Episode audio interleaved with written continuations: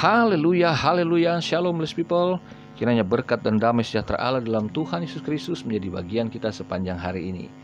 Kembali berjumpa dengan saya Pendeta Theodorus dan Rumah Berkat House of Blessing. Tema renungan Kristen kita hari ini adalah orang beriman pasti menerima upah. Firman Tuhan terambil dari surat Ibrani pasal 11 ayat yang ke-6. Yuk baca bersama.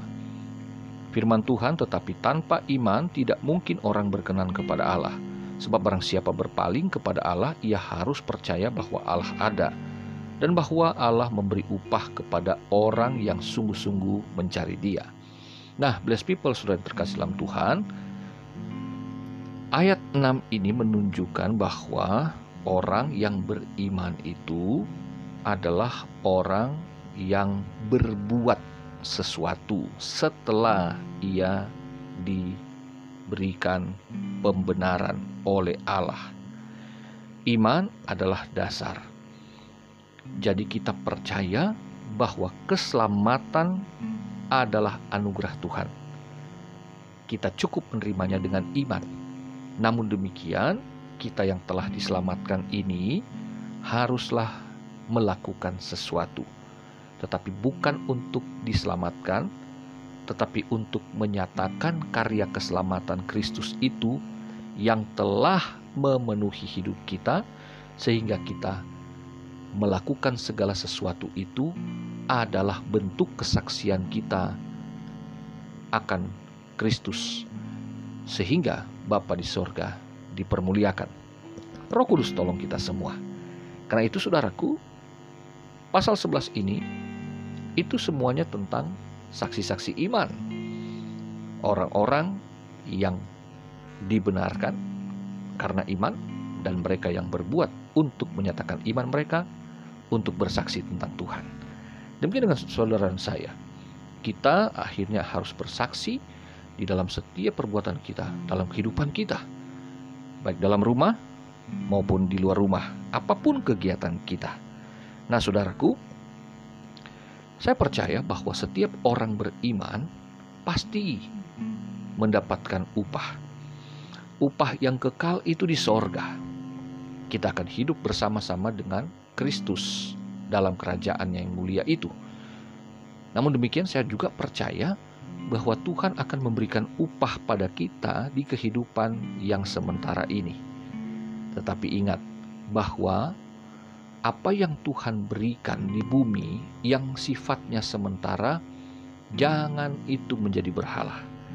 Karena setiap berkat Tuhan yang menjadi upah atas apa yang kita kerjakan atas namanya atau demi namanya, itu tidak bisa disamakan dengan Tuhan itu sendiri. Tidak boleh menggantikan Tuhan.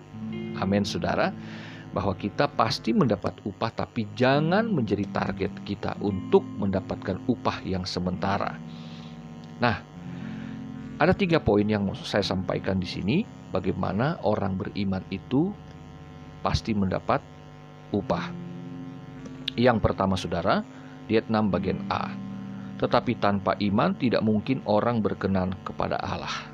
Jadi karena iman, ini poin yang pertama ya, karena iman orang Kristen harus hidup berkenan kepada Allah.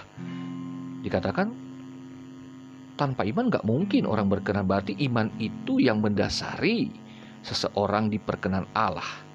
Nah, saudaraku, bahwa setelah kita menerima keselamatan, kehidupan kita yang telah dibebaskan dari dosa tidaklah bisa sebebas-bebas sesuka-suka kita di dalam mempergunakan kehidupan ini.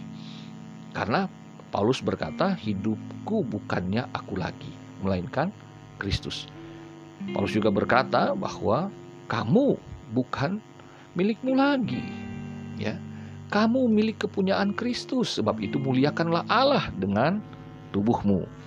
Nah, Saudara, hidup kita sering kali berhadapan dengan banyak tantangan, banyak persoalan, dan banyak juga godaan-godaan untuk memberikan kita dalam tanda kutip solusi agar kita mendapatkan penyelesaian permasalahan. Namun, kita harus ingat bahwa ada yang diperkenan dan ada yang tidak diperkenan oleh Tuhan. Perbuatan-perbuatan yang selaras dengan Tuhan itulah yang tentu akan menjadi jalan untuk kita mendapatkan pertolongan. Karena itulah kita belajar dari Henok misalkan. Di ayat yang kelima ya. Bagaimana Henok itu hidup bergaul dengan Allah kata Kejadian pasal 5 ayat 21 sampai 24. Hidup bergaul dengan Allah itu dari teks Ibrani eh, halak artinya berjalan dengan Allah, berjalan naik dan turun bersama dengan Allah atau hidup bersama di dalam uh, kebiasaan dalam persekutuan. Jadi, Henok terbiasa berjalan dengan Tuhan tidak selalu kehidupannya baik-baik saja. Kehidupannya selalu enak dan mulus jalannya. Tetapi tentu juga di masa purba seperti itu ada masalah tersendiri. Namun Henok hidup tetap bergaul dengan Allah artinya dia tetap berpaut kepada Tuhan.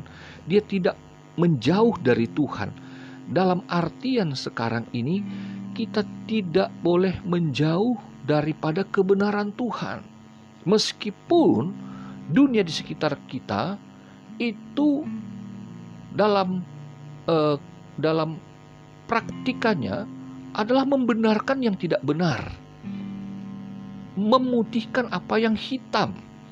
Tetapi kita orang Kristen harus beriman penuh, artinya tidak ada kompromi, di luar Tuhan.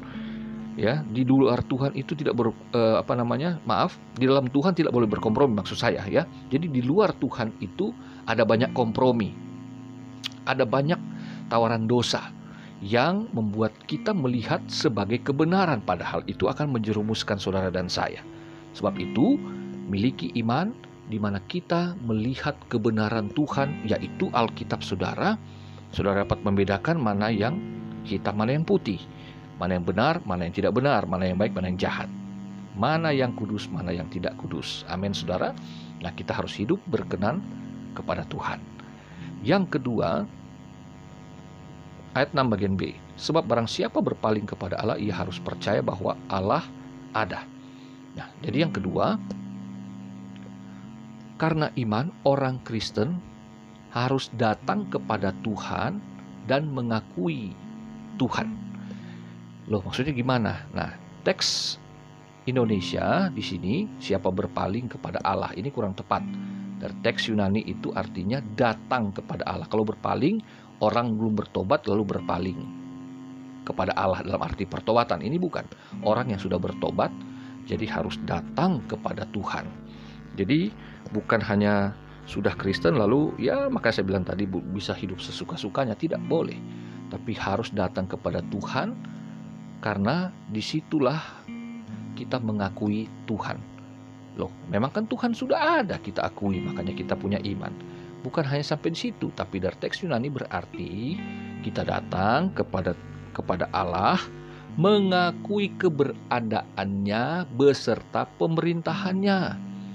Nah, kalau kita datang kepada Tuhan, ya orang beriman yang datang kepada Tuhan mengakui keberadaan dan pemerintahannya artinya kita datang kepada Tuhan untuk tunduk takluk sepenuhnya pada kehendak Tuhan. Apa yang menjadi ketetapan, apa yang menjadi hukum-hukumnya kita harus akui itu adalah kebenaran mutlak yang harus kita lakukan.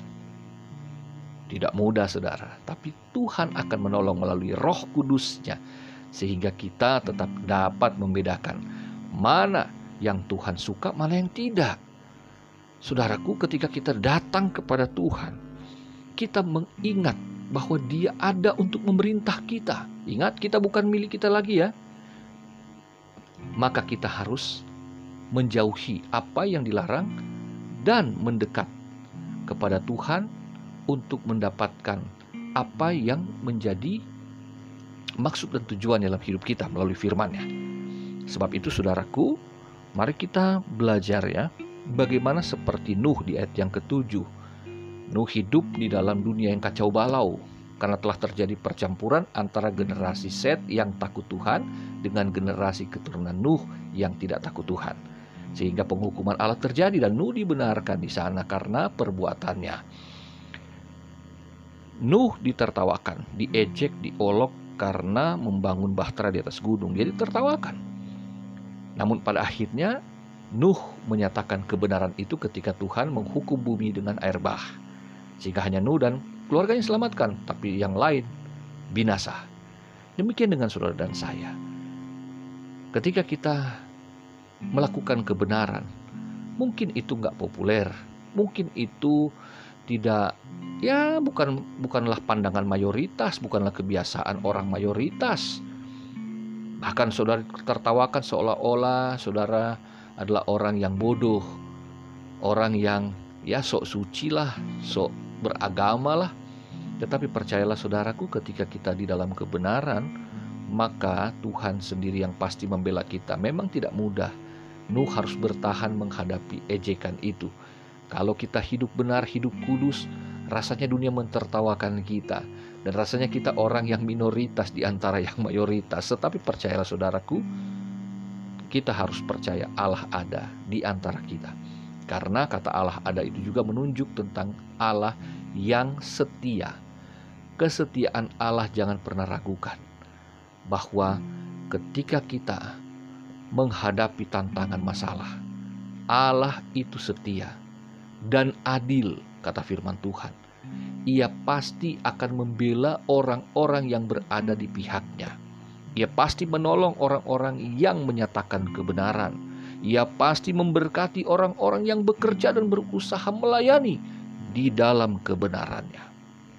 Tidak mungkin dia tinggalkan karena Tuhan setia. Yang ketiga, ayat 6 bagian B, dan bahwa Allah memberi upah kepada orang yang sungguh-sungguh mencari Dia. Jadi, karena iman, maka orang Kristen bersungguh-sungguh mencari Tuhan. Jadi, orang Kristen kalau dikatakan beriman itu harusnya kelihatan dalam kesungguhan. Ia semakin semakin sungguh-sungguh mencari Tuhan karena dia sadar yang tadi saya katakan hidupnya bukan miliknya, tapi milik Kristus. Kemudian dia butuh Tuhan dalam setiap waktu karena dia tahu masalah yang dihadapi hari ini ketika Tuhan tolong selesaikan, maka dia akan menghadapi masalah yang berikutnya. Ingat saudara, bahwa anak sekolah itu bukan hanya selesai ujian lalu kemudian dia berleha-leha. Dia harus menghadapi di kelas yang baru, dengan tantangan yang baru, dengan soal-soal yang lebih berat lagi. Sebab itu, dia terus harus belajar, harus mau dipimpin oleh guru, mau diajar oleh guru, dan ia harus tunduk kepada guru. Demikian dengan saudara dan saya. Kalau kita tunduk berkenan kepada Tuhan dan mau tunduk kepada Tuhan, maka percayalah, kesungguh-sungguhan kita tidak akan membuat kita lemah kesungguh-sungguhan kita berarti ada pengorbanan yang ekstra di sana. Tetapi saudara tidak akan pernah dikecewakan. Karena orang yang bersungguh-sungguh mencari Tuhan, orang yang berkenan kepada Tuhan, orang yang datang kepada Tuhan mengakui dia dan pemerintahannya, dan yang bersungguh-sungguh mencari dia, dipastikan firman Allah berkata, pasti orang beriman itu menerima upah. Saudaraku, bahwa jeripayahmu dalam Kristus kata Alkitab tidak sia-sia. Apa pun yang saudara kerjakan hari-hari ini, meskipun banyak tantangan, meskipun ada banyak kesusahan, kesulitan, saudara harus tetap berpegang teguh kepada Tuhan. Tetap hidup berkenan di hadapan Tuhan. Jangan mau digoda dengan ajaran-ajaran atau pandangan-pandangan manusia yang dapat menyesatkan dan menjerumuskan saudara dalam dosa. Berpeganglah pada pemerintahan Tuhan. Berpeganglah karena dia adil untuk menolong saudara. Dan dia pasti memberikan upah. Bukan hanya yang kekal sekali lagi, tapi bagi kita yang memerlukan untuk saat-saat ini. Kalau saudara bekerja di kantor, saudara mendapat upah, saudara berdagang, saudara akan dapat upah hasil perdagangan. Maka percayalah saudaraku, meskipun mungkin yang sudah dapatkan tidak besar menurut ukuran angka, tetapi berkat Tuhan sebagai upah bagi saudara akan mencukupkan. Saya adalah saksinya. Saya melayani kalau melihat apa yang saya terima dari jemaat itu tidak mungkin mencukupi. Tetapi Tuhan itu setia dan adil. Saya melayani dengan sungguh-sungguh, maka Tuhan pun mengganjar dengan upah, dengan cara yang tidak dapat saya pikirkan. Sehingga apa yang saya terima dari pihak jemaat tidak mencukupi. Tapi dari mana-mana Tuhan gerakkan berkatnya untuk mencukupkan saya dan keluarga saya. Jangan batasi Tuhan. Tuhan Yesus mengasihimu, Tuhan Yesus memberkatimu. Haleluya, blessed people.